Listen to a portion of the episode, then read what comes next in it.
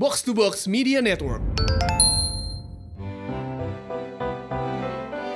Selanjutnya di Ramadan Pak Budi.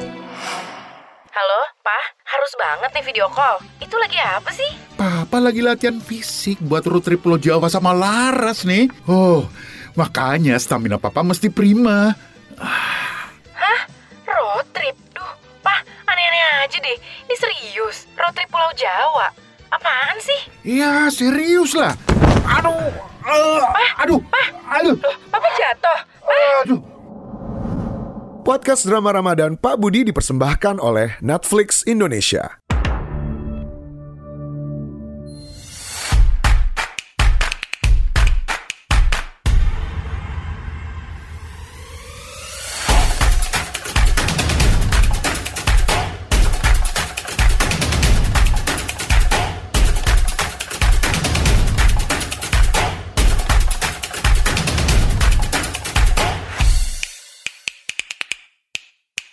Selamat datang di Asumsi Bersuara dan kali ini saya kedatangan eh, tamu yang luar biasa lagi nih. Eh, kali ini eh, Pak Gita Wiryawan. Selamat datang Pak Gita eh, di Asumsi Bersuara, Pak. Halo, hai Ray. Ya. Hai. Eh, Ya, eh, mungkin untuk sebagian eh, pendengar kita yang belum tahu Pak Gita Wiryawan itu siapa, kayaknya dikit sih, tapi saya eh, perkenalkan lagi saja. Pak Gita Wiryawan ini adalah eh, Menteri Perdagangan Republik Indonesia di tahun 2011 sampai 2014. Sebelumnya pernah juga sebagai Kepala eh, Badan Koordinasi eh, Modal, ya, Badan PKPM, Badan Koordinasi Penerimaan Modal. Eh, dan hari ini kita eh, sama Pak Gita bakal banyak bahas soal peluang recovery eh, Indonesia nih setelah nanti mudah-mudahan cepat berakhir lah eh, pandemi eh, coronavirus yang sekarang eh, sedang kita lalui gitu. Mudah-mudahan nggak kecepatan nih, mudah-mudahan kita nggak terlalu optimis sudah rekaman soal recovery dari sekarang Pak. sebelum sebelum kita eh, lebih jauh nih Pak, saya mau dengar eh, pendapat Bapak nih soal eh, krisis yang sedang terjadi ini dan lebih ke policy response kita um, yang uh, pemerintah kan sudah siapkan 400-an triliun uh, paket Ya. ekonomi. Uh, kalau Pak Gita melihatnya gimana? Pak? Eh, Oke, thanks Ray, thanks eh, Asumsi eh, atas undangannya. Eh, kalau saya lihat policy response yang sudah diumumkan oleh pemerintah itu eh, luar biasa, bagus dan mungkin pertanyaannya eh, lebih terkait dengan kecepatan. Ya, Iya. ini kalau Iya. lagi krisis kayak begini dengan skala krisis yang begitu dahsyat, eh, semakin cepat kita mengambil langkah eh, untuk mengstimulasi eh, perekonomian itu semakin baik, Eh, semakin tinggi chance atau peluang kita untuk bisa eh, apa namanya me- menambal luka-luka yang sudah mulai terjadi dalam beberapa waktu terakhir ini. Yang kedua tentunya pertanyaannya adalah terkait dengan jumlah, ya kan? Hmm. Policy response ini kan jumlahnya ini 405 triliun dan saya Iya. udah beberapa kali dalam beberapa forum itu menyampaikan eh, kemungkinan besar itu kurang untuk Oke. kebutuhan yang yang yang sangat besar menurut saya untuk eh, apa namanya me- menutup eh, kesulitan-kesulitan yang sudah mulai terjadi di sektor real. Nah ini saya selalu mengambil sudut pandang eh, di sektor real itu dari sisi jumlah eh, apa namanya wirausaha dan jumlah tenaga kerja. Itu kalau saya lihat dari data di BPS itu kurang lebih ada 129 juta yang bisa eh, berdaya karena mereka adalah wirausaha, eh, melakukan wirausaha dan mereka juga bisa bekerja di eh, organisasi, institusi, pabrik dan lain-lain. Nah, dengan pendekatan universal basic income aja atau eh, UMR untuk masing-masing dari 129 juta, 129 juta tenaga kerja atau wirausahawan, itu kebutuhan per bulannya aja kurang lebih 320-an triliun rupiah. Ya kan? Hmm. Dan saya udah eh, cukup mudah mengambil kesimpulan eh, sebagian besar atau anggaplah 30 atau 40 persen dari eh, 129 juta manusia tersebut tuh sudah udah mulai pincang atau mulai Hmm. kesulitan untuk bisa paling gampang tuh yang nyata adalah orang-orang atau eh, teman-teman kita yang sebagai tukang cukur ya, yang sebagai terapis, sebagai aktor, aktris, seniman, uh, musisi yang semenjak beberapa waktu yang lalu itu udah nggak bisa berdaya lagi dan mereka nggak ada pendapatan. Karena dilakukannya kebijakan physical distancing. Nah, hmm. kalau 30 sampai 40 persen dari 324 triliun itu eh, nggak ada kapasitas untuk mendapatkan pendapatan atau nggak bisa dikompensasi oleh uh, employernya yang juga kesulitan karena pabriknya nggak bisa dibuka, itu udah kurang lebih seratusan triliun per bulan yang dibutuhkan. Nah, sekarang hmm. pertanyaannya apakah ketidakpastian mengenai kesehatan ini berlangsung selama hanya satu bulan saja? Saya hmm. belum punya kepastian bahwasanya ketidakpastian mengenai kesehatan ini akan cepat selesai. Ya, mengingat yeah. testing yang sudah dilakukan itu masih dikit sekali. Ya, testing yang dilakukan oleh kita itu baru di level atau rasio 150 per 1 juta manusia. Ya, hmm. Itu masih kurang untuk kita bisa memastikan uh, tingkat penularan dan di mana tingkat penularannya itu yang harus disikapi apakah lewat physical distancing, lockdown secara komprehensif atau lockdown secara selektif.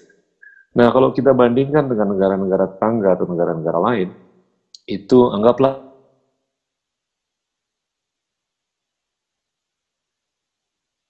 Singapura kan testing 150 per 1 juta manusia. Kalau Korea ya. sudah kalau nggak salah 8 ribuan per 1 juta manusia. Per harinya mereka sudah melakukan 20 ribu tes per hari. Amerika Serikat sudah mencapai 10 ribu tes per 1 juta manusia. Nah ini yang harus dilakukan adalah peningkatan uh, testing Kapasitas dari 150 ya. per 1 juta ke angka kurang lebih 10 ribu. Nah itu akan makan waktu dan akan makan biaya dan tentunya akan makan upaya-upaya lainnya. Nah kita belum belum sampai ke situ untuk bisa uh, apa namanya uh, mencapai kepastian mengenai hmm. berapa hmm. lama hmm. ini akan akan berlangsung. Makanya saya berasumsikan uh, bahwa ya kita harus siap-siap untuk minimum enam bulan ke depan. Hmm. Nah kalau enam bulan ke depan untuk kepentingan apa namanya jaringan sosial atau social safety net uh, itu ya 100 triliun dikalikan 6 tuh itu aja sudah 600 triliun.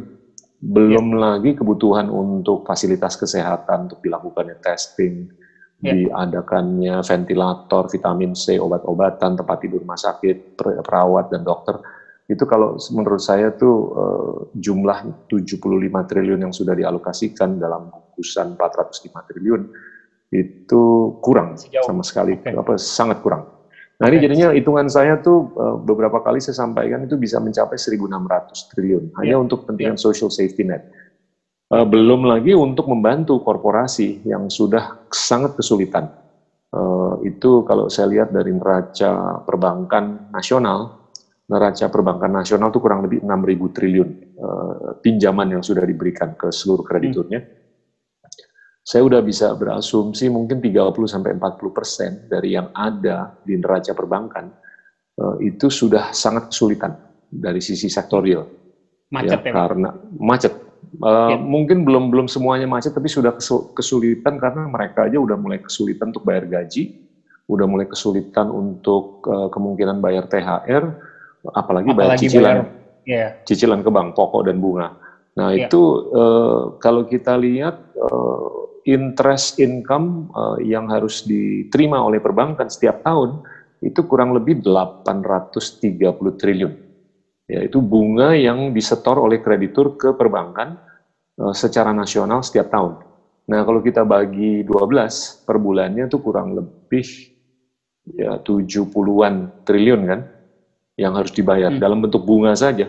Ya. Nah, kalau dari uh, angka 830 triliun dalam bentuk bunga atau interest income per bulannya 70-an triliun, 40% dari 70 triliun aja udah kurang lebih 30-an triliun kan yang kemungkinan nggak yeah. bisa dibayar.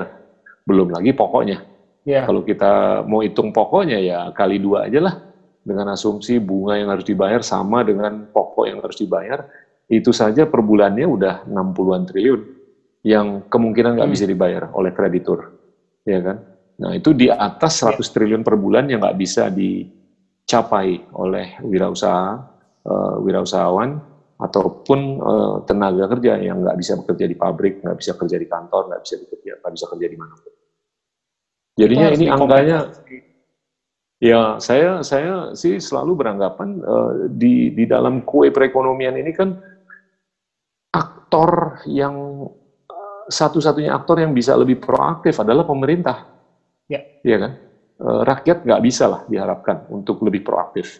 Walaupun uh, kita berasumsi atau berpikir bahwasanya korporasi besar itu bisa lebih proaktif, saya juga menyadari banyak korporasi uh, kecil, menengah, dan besar itu sudah sangat kesulitan. Jadi untuk diharapkan mereka lebih proaktif membantu nggak bisa.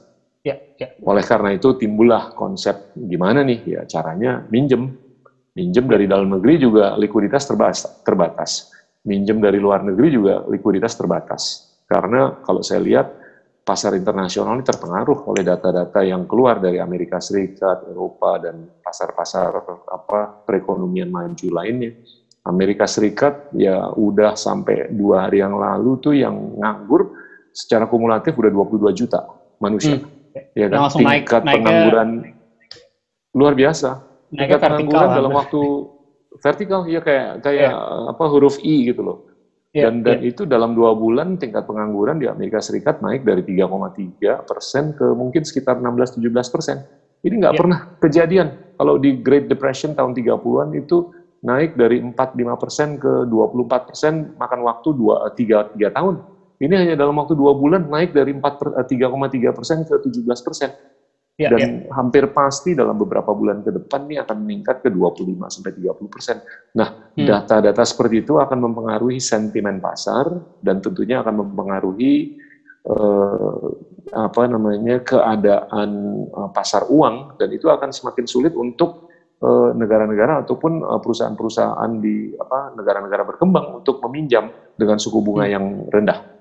Ya, Pak. Uh kan kalau tadi Pak, Pak Gita sebut uh, kita perlu minimal 1.600 triliun nih, empat kali lipat dari uh, paket uh, yang udah digelontorkan pemerintah. 1.600 triliun itu kan juga uh, kalau nggak salah, kalau itu saya nggak nggak salah mungkin sekitar 15 persen PDB lah ya. Uh, sementara kita 10 persen kan 10 persen oh 10 persen 10 persen PDB hmm. um, ya. kemudian PDB kan, kita tuh kurang lebih 16 ribu triliun oke okay, berarti uh, 10 persen dan mungkin itu bahkan dua per tiga dari APBN kita tadinya ya sebelum kita tahu ada semua ini. Nah itu uh, apa ya um, responsible ya untuk kita um, hutang sebanyak itu atau untuk kita um, melakukan pembiayaan sebanyak itu um, gimana kita nggak tahu gimana mem mem membayarnya kemudian hari.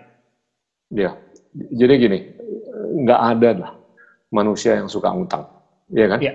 Kita semua ya. anti utang, ya kan? Ya uh, utang itu sebetulnya penyakit, ya kan? Tapi sekarang pertanyaannya adalah survival. Gimana untuk kita bisa survive, ya kan? Hmm. Uh, kalau cadangan kita mencukupi, oke-oke aja. Cadangan yeah. kita itu hanya sekarang tinggal kurang lebih 120-an miliar dolar. Itu hanya cukup untuk membeli import kurang lebih tujuh bulan. Oke. Okay? Hmm. Nah, kita kan masih sangat tergantung terhadap import untuk bahan baku dan juga bahan non baku yang sudah semi selesai dan selesai secara uh, keseluruhan. Tapi uh, kita menginginkan cadangan devisa itu untuk dialokasikan untuk hal-hal untuk uh, importasi dan lain-lain. Tapi ya. di luar itu ya gimana? Karena sekarang kalau saya lihat dari sisi sektor real aja itu sudah cukup banyak perusahaan dan uh, pengusaha kecil menengah yang sudah uh, impaired uh, secara temporer. Dan hmm. kalau mereka impaired secara temporer, ini kalau ibarat kata analoginya atau metafornya itu kalau orang udah pincang, dia nggak dikasih obat, nggak dikasih tongkat, nggak dikasih apa fasilitas, ya kemungkinan dia lumpuh secara permanen. Ini akan lebih parah lagi. Dan dan saya melihat resiko kita bergerak dari temporary impairment menuju permanent impairment hmm. uh, itu nggak kecil dan kalau ini nggak dibantu uh, mulai dari social safety net apalagi untuk kepentingan mereka bisa mencicil ke bank uh, risiko permanent impairment terhadap uh, apa namanya kesulitan kita untuk bisa berkesinambungan secara perekonomian uh, itu besar sekali dan hmm. ini mereka-mereka ini dan kita-kita juga harus dibantu uh, kalau enggak ya kita akan pasti atau hampir pasti mengalami penciutan skala ekonomi dan dan itu ya. kalau menurut saya agak disayangkan. Yang pertama jadi kesehatan sosial, kedua adalah gimana untuk kita bisa uh, nggak uh, menuju uh, ke ketidakbisaan secara permanen. Iya, uh, Pak, saya sempat dengar interview Pak Gita di TV One kalau nggak salah ya. Pak, Pak Gita bilang uh, jika pembiayaan domestik dan internasional sudah tidak memungkinkan, tentu di luar kemarin kita sukses jual surat utang Betul. 4,3 miliar dolar ya um, maka kita sebaiknya melakukan pelonggaran kuantitatif alias cetak uang kan. Uh, ini juga inline sama sebenarnya di Perpu Stabilitas Ekonomi kemarin itu sudah membolehkan Bank Indonesia untuk uh, membeli obligasi di pasar primer ya alias itu cetak uang gitu kan. Uh, kalau kita dulu belajar uh, pengantar makro gitu kan, uh, cetak uang biasanya be, akan berujung pada inflasi gitu pak. Kan serem ya. seremnya kan di situ. Uh, kalau dari Pak Gita ini menurut Pak Gita gimana caranya uh, supaya um, bisa dijaga gitu, jangan sampai. Ya. uh, terjadi inflasi kalaupun kita harus cetak uang untuk membiayai uh, yeah. semua uh, apa paket-paket uh, yang tadi kita udah sebut. Iya. Pertama-tama ini pencetakan uang atau pelonggaran kuantitatif itu bukan hmm. pilihan pertama kita, hmm. bukan yeah. pilihan pertama saya.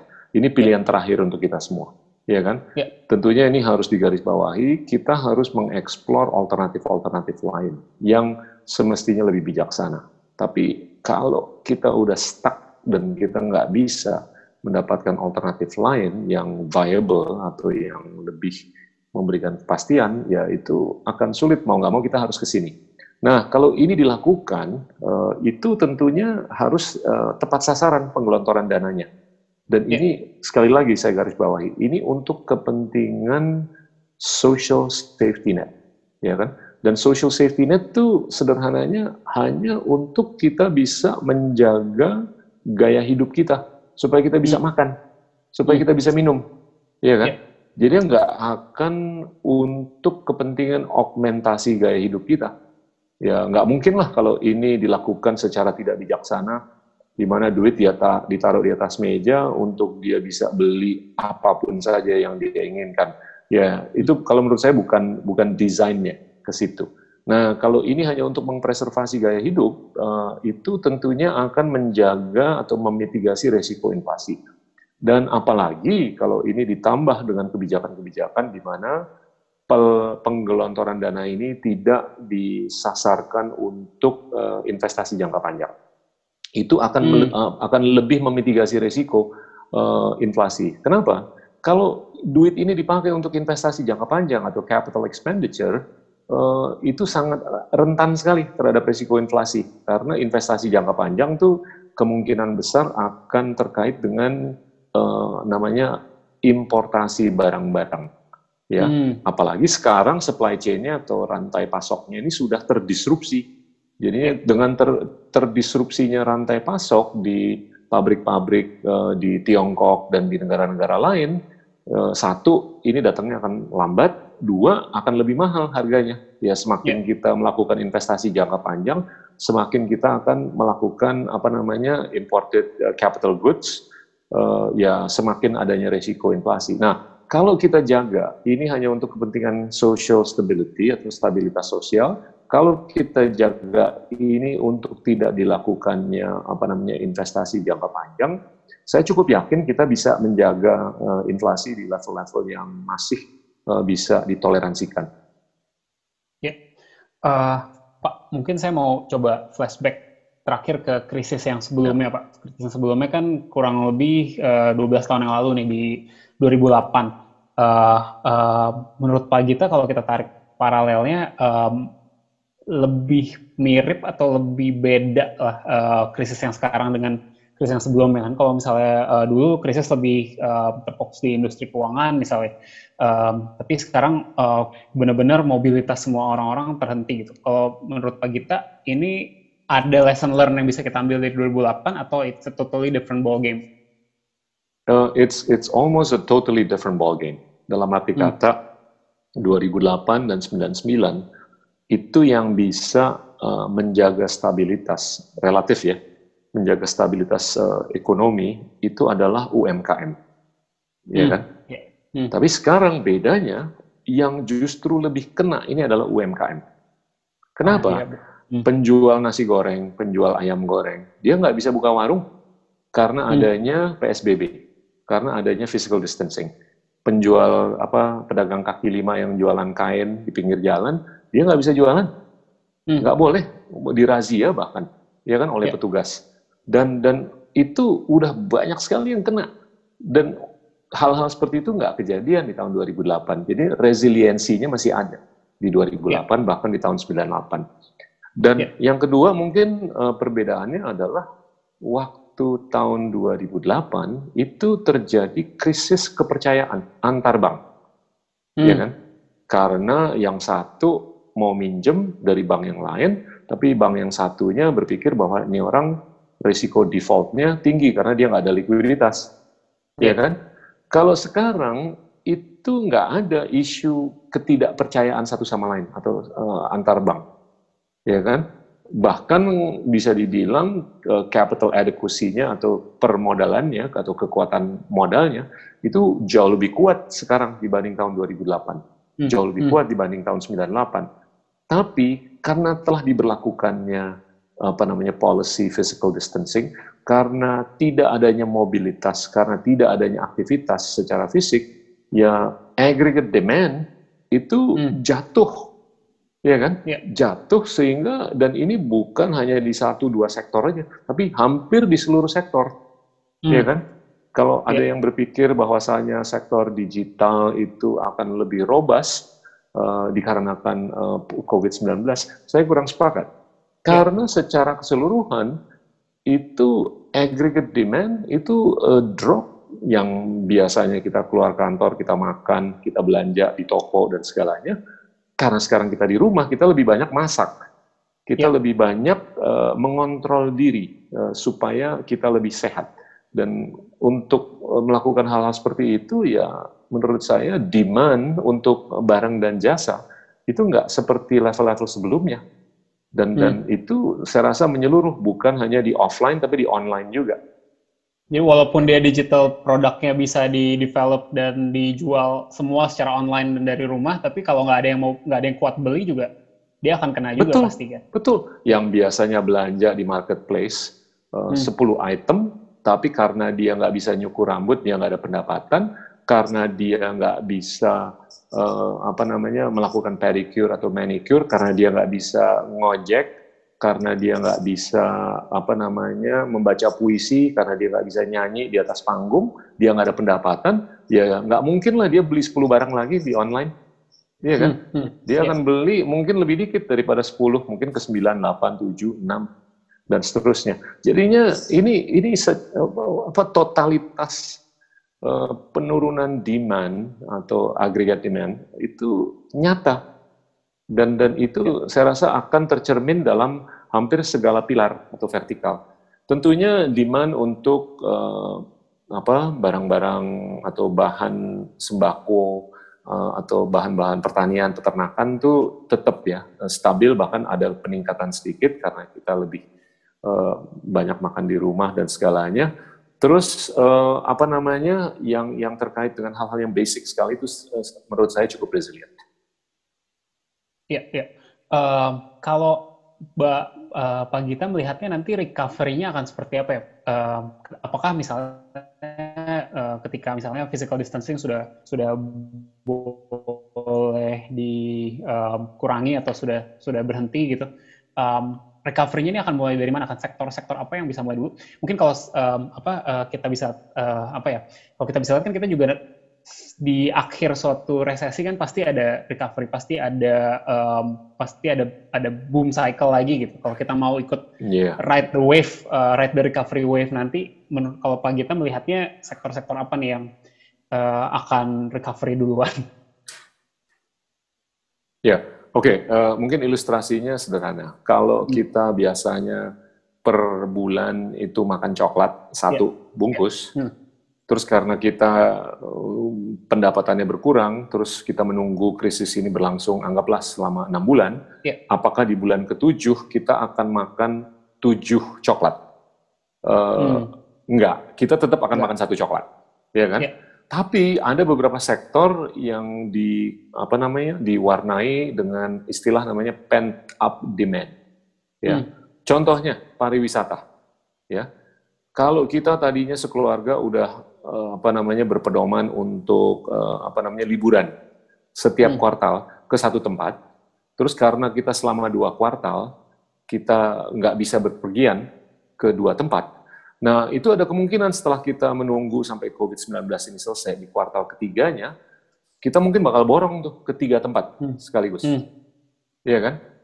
Jadinya di, di, di sektor pariwisata itu prospek untuk terjadinya pent up demand, jadinya akumulasi demand dari sebelum-sebelumnya yang tidak bisa diaktualisasikan untuk di, di, diaktualisasikan di kemudian hari itu lebih nyata daripada consumables. Consumables seperti yang kita konsumsi sehari-hari, apakah itu coklat, atau kalau kita beli motor setahun, hmm. uh, hanya karena kita nggak mampu beli motor, uh, selama enam bulan, apakah berarti kita akan beli tiga motor di kuartal tiga? Enggak, kita tetap akan beli satu motor aja, karena kebutuhannya yeah. cuma satu.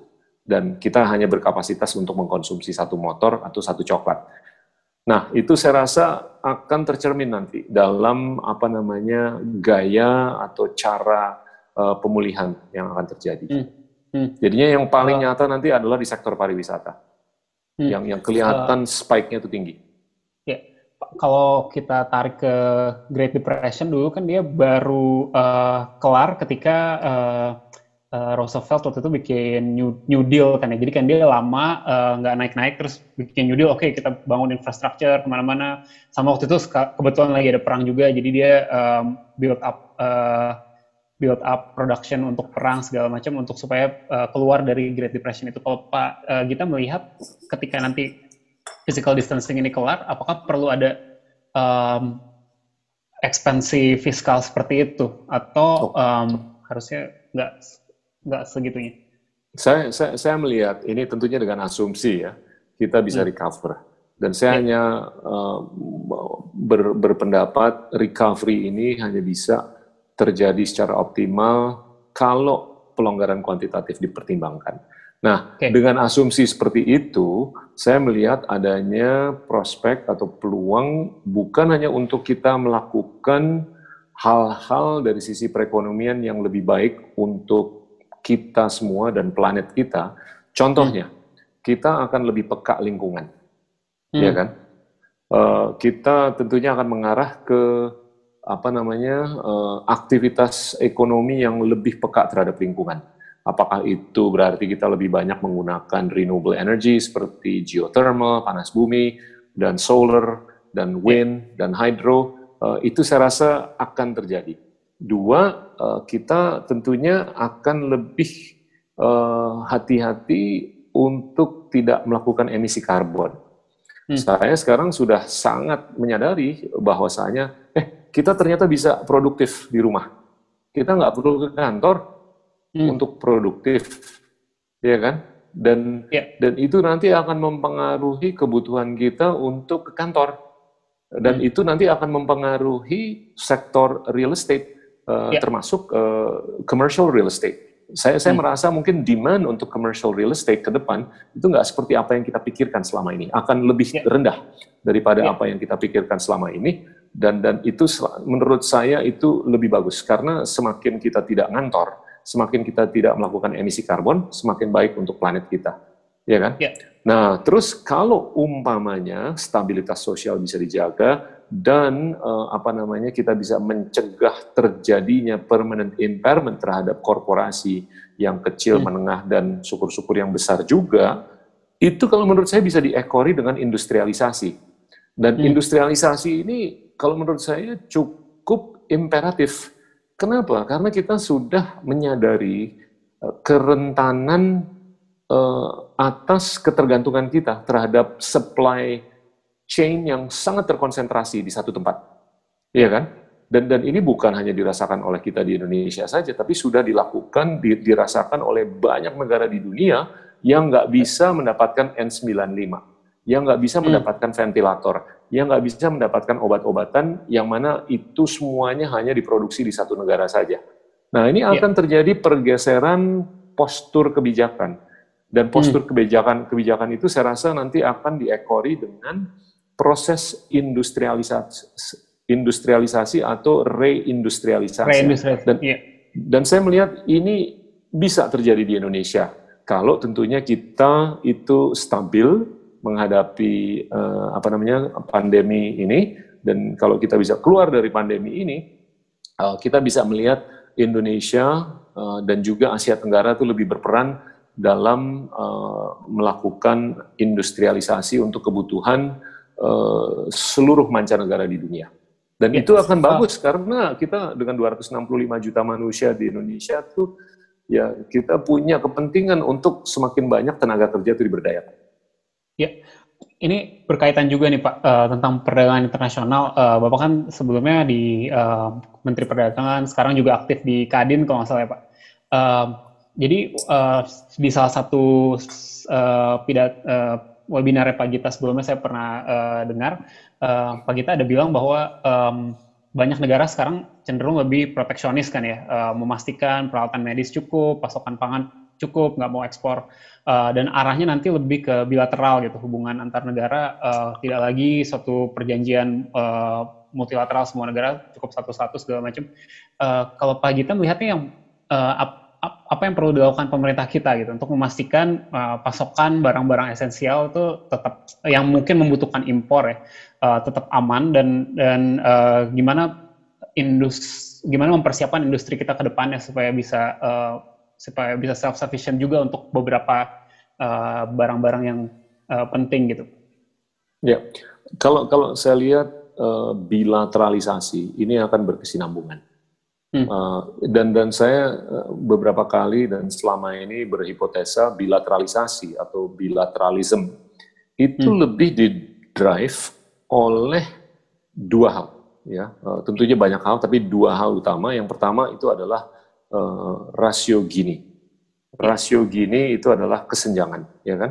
Uh, kesenjangan ya. ini semakin meningkat di seluruh mancanegara, bukan hanya di perekonomian berkembang, tapi di perekonomian maju, negara maju, ya kan? Hmm. Dan semakin kesenjangan ini nganga dan meningkat, itu semakin sulit untuk satu pihak berbicara dengan pihak yang lain, ya kan? Hmm. Dan itu yang menyebabkan multilateralisasi uh, sangat sulit dicapai. Dan yang kalau menurut saya titik klimaksnya itu adalah waktu Trans-Pacific Partnership.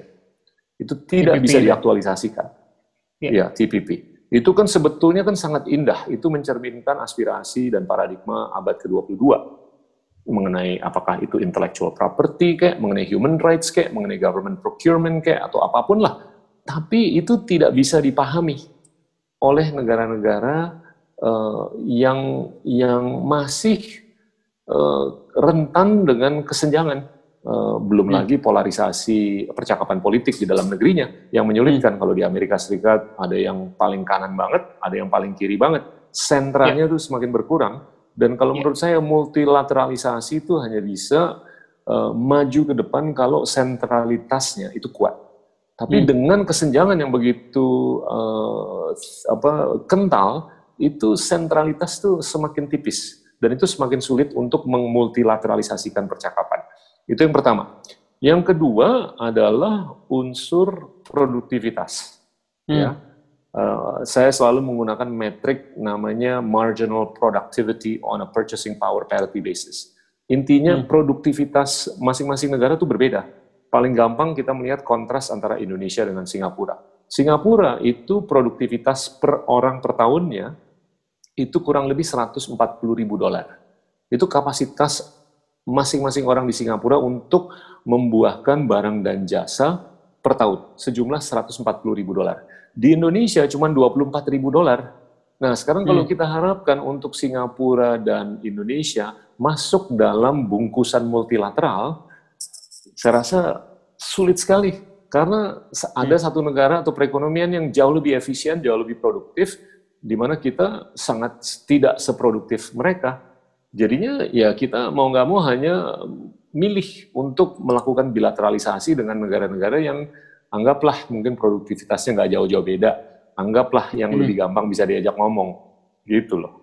Nah itu jadinya uh, akan akan akan sangat mewarnai uh, perekonomian-perekonomian dunia. Tapi saya juga uh, punya pandangan bahwasanya COVID-19 ini bisa mengequalize uh, hmm. semuanya. Karena kita udah melihat dan menyaksikan uh, teman kita, saudara kita, temannya teman kita, temannya saudara kita, saudaranya jauh dari saudara kita itu meninggal.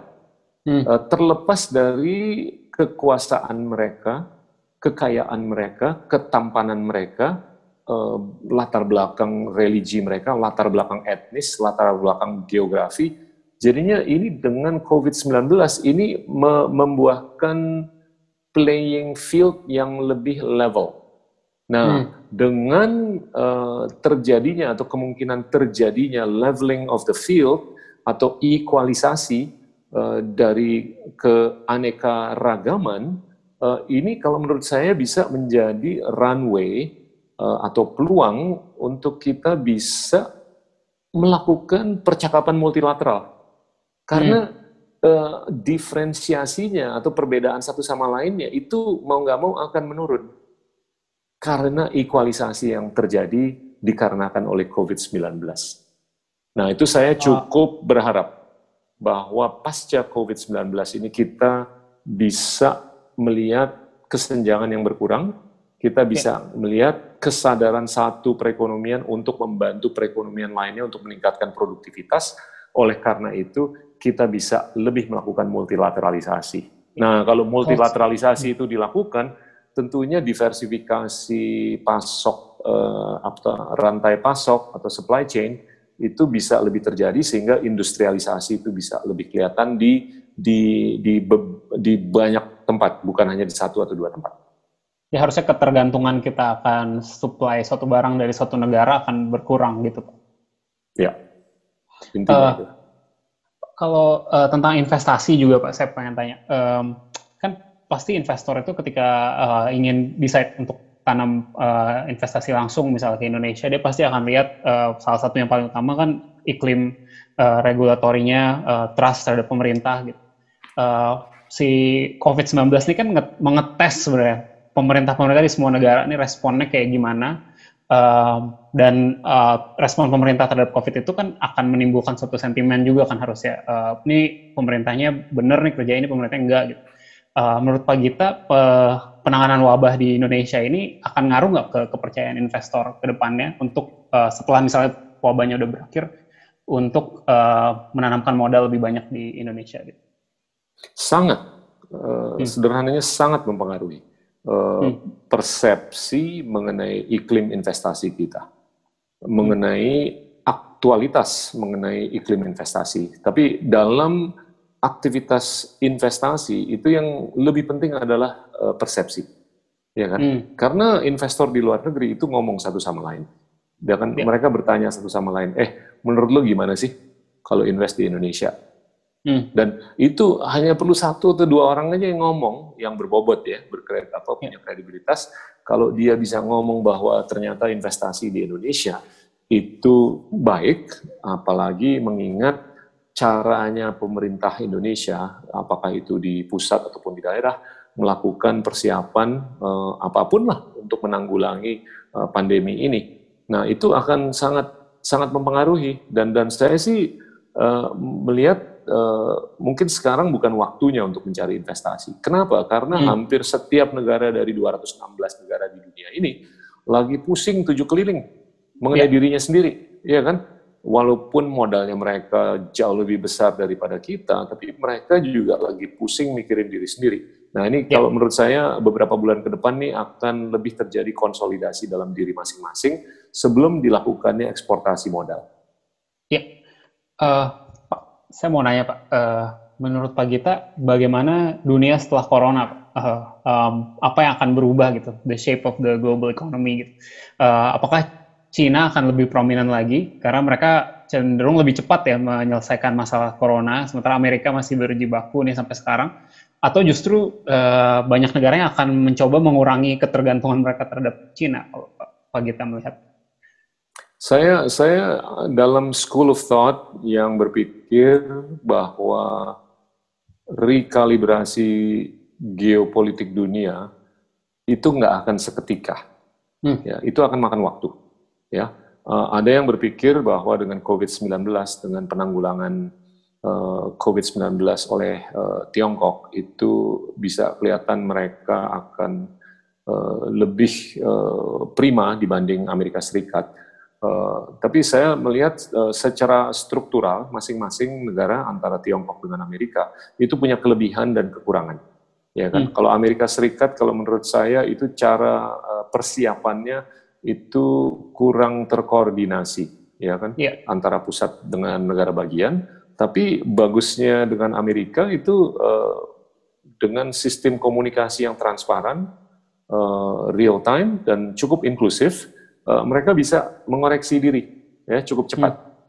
Uh, Tiongkok tentunya dengan sistem yang agak beda, yang sedikit mungkin supresif, uh, tapi mereka bisa membuahkan pedoman kerja yang sangat efektif di lapangan, ya kan? Nah ini dua sistem yang beda, tapi kalau menurut saya in the long run atau dalam jangka panjang itu bisa membuahkan uh, apa namanya pemulihan ekonomi sosial yang yang yang cukup uh, baik lah.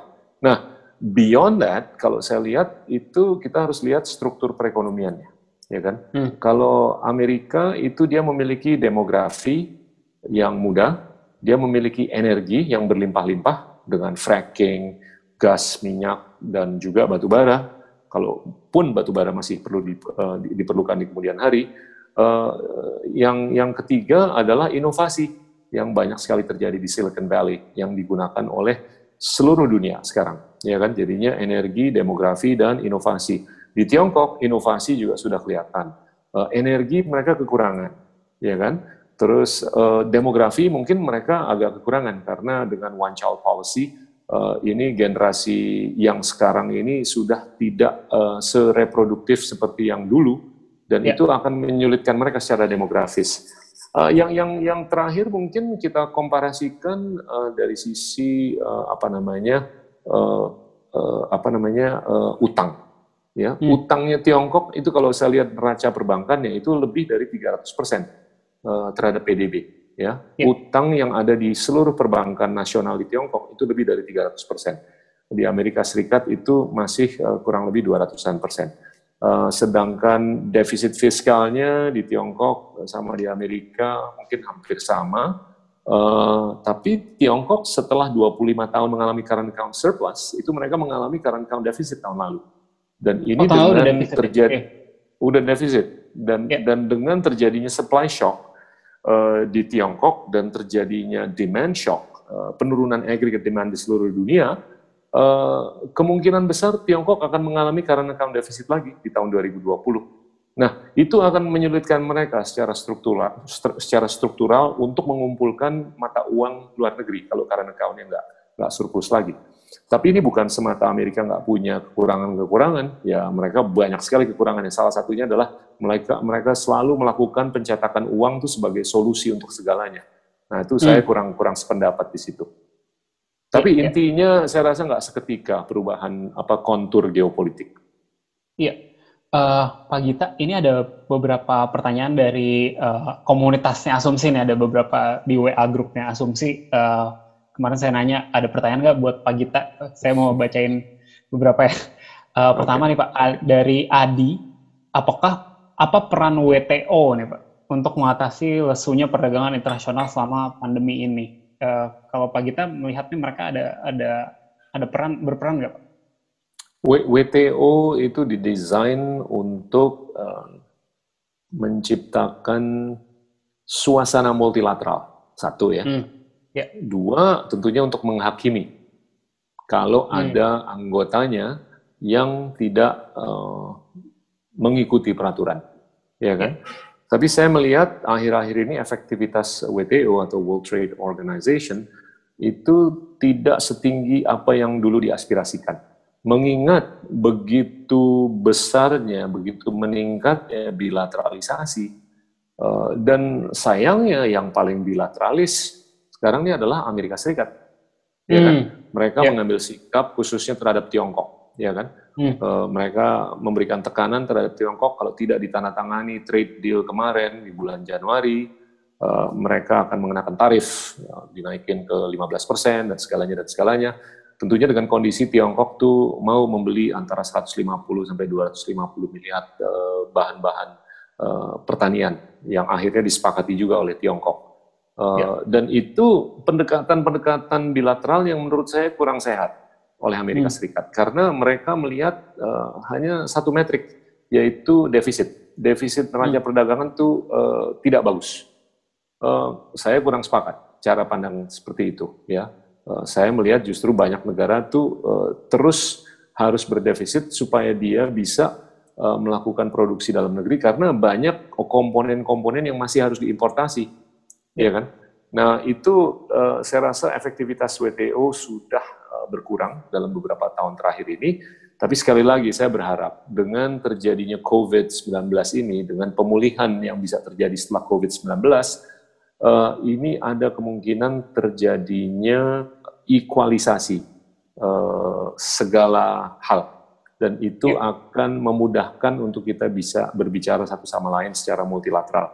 Dan itu nanti tentunya akan memberikan peran yang sangat besar untuk WTO untuk menciptakan suasana batin yang lebih adil dan bijaksana. Dan dia akan lebih bisa menghakimi satu sama lain. Ya, Pak, ada lagi dari GFF RZKY sektor perdagangan mana yang masih berpeluang, berpeluang tumbuh di saat krisis COVID-19 ini? Dan bagaimana pemerintah bisa mengkapitalisasi peluang tersebut untuk kemaslahatan bersama tanpa mengurangi fokus ke kesehatan tentunya. Terima kasih. Oh, Lagi-lagi okay. di era yeah. pandemi ini Pak, sektor yang masih uh, bisa tumbuh kalau menurut Pak Pak Gita. Uh, pasca atau selama pandemi? Kayaknya selama deh. Mungkin okay, selama kalau, dulu deh. Ya kalau selama pandemi ini kan kita lebih merangkul uh, virtual dibanding fisikal, yeah. ya kan? Jadi apa pun yang virtual uh, itu tentunya lebih di, uh, diminati, uh, tentunya telekomunikasi itu lebih diminati karena kita sekarang lebih banyak ber, uh, apa, melakukan telekomunikasi, apakah lewat WhatsApp, email, Zoom, Hangout, yeah. Team dan segalanya dan itu tentunya setiap kali ada data dan suara yang lewat dalam pipa, uh, itu membuahkan keuntungan untuk siapa pun yang berperan uh, dalam proses telekomunikasi ini. Uh, dan tentunya digital juga, digital. Tapi saya lihat uh, secara keseluruhan tetap akan terpengaruh oleh uh, penurunan aggregate demand.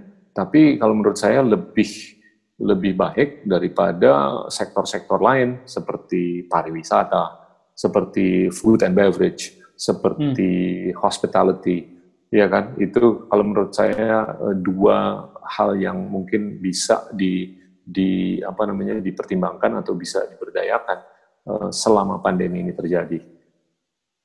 Ya. Kalau dalam konteks perdagangan secara keseluruhan selama pandemi ini, saya nggak melihat adanya peluang-peluang besar yang bisa dilakukan hmm. karena Eh, kenyataannya nih sudah terjadi dan akan terus terjadi uh, penurunan uh, demand untuk yeah. segala hal kecuali berkomunikasi.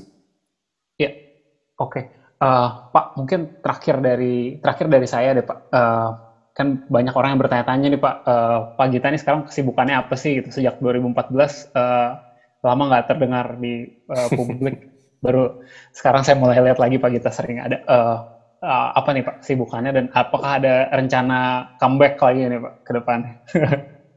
oh enggak, enggak. Eh, saya, saya tuh jujur udah lima tahun terakhir itu banyak ngajar. Jadi okay. saya ngajar di dalam negeri dan ngajar di luar negeri juga. Saya hmm. uh, mendirikan sekolah public policy. Uh, hampir setiap minggu saya ngajar di situ. Nama sekolahnya School, and, School of Government and Public Policy, ya, SGPP saya juga membantu uh, mengeluarkan apa namanya publikasi atau jurnal uh, akademis namanya Strategic Review. Saya saya cukup banyak di situ, tapi di luar itu uh, saya juga sibuk dalam dunia usaha. Uh, hmm. Ada juga di teknologi, ada juga di real estate, ada juga di sumber daya alam. Uh, tapi semakin hari saya semakin aktif di dunia akademisi. Uh, tapi akhir-akhir ini saya cukup terpanggil untuk menyuarakan pendapat saya uh, mengingat uh, apa namanya uh, kedalaman uh, permasalahan yang kita uh, alami dan harus lewati. Uh, makanya ya panggilan ini hanya uh, semata dari dari sudut sudut pandang akademis saja. Nggak nggak ya. ada nggak ada yang lain. Jujur. Kita uh, senang sekali uh, jadi salah satu uh, tempat di mana Pak Gita mau uh, hadir dan share uh, tentang pandangan Bapak soal ini, Pak. Uh, Pak, mungkin terakhir banget, apakah ada hal yang mungkin saya belum sempat tanyakan, tapi uh, penting untuk uh, diketahui oleh uh, pendengar asumsi bersuara uh, tentang uh, krisis ini dan uh, apa yang harus dilakukan? Uh, saya saya tetap melihat uh, ini uh, akan menjadi ujian ya untuk seluruh lapisan di Indonesia dan di seluruh dunia. Uh, dan dan ujian ini bisa terjadi dalam banyak dimensi. Uh, salah satunya adalah dalam dimensi kepemimpinan.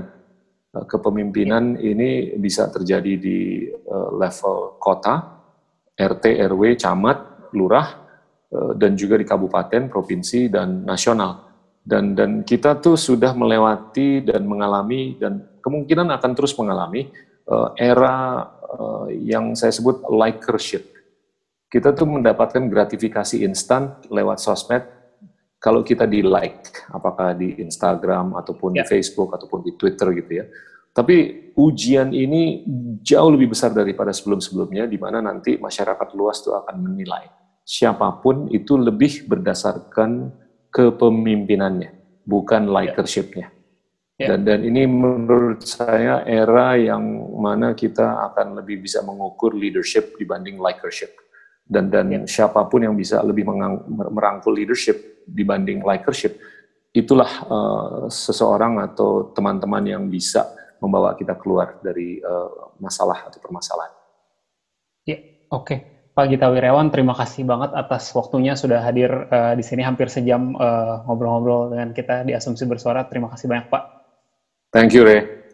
Ya, uh, untuk para pendengar, uh, terima kasih udah uh, dengerin kita sejam ini. Jangan lupa follow Asumsiko, follow Box to Box ID. Pak Gita Wiryawan ada akun uh, sosial media yang mau dipromosikan, Pak?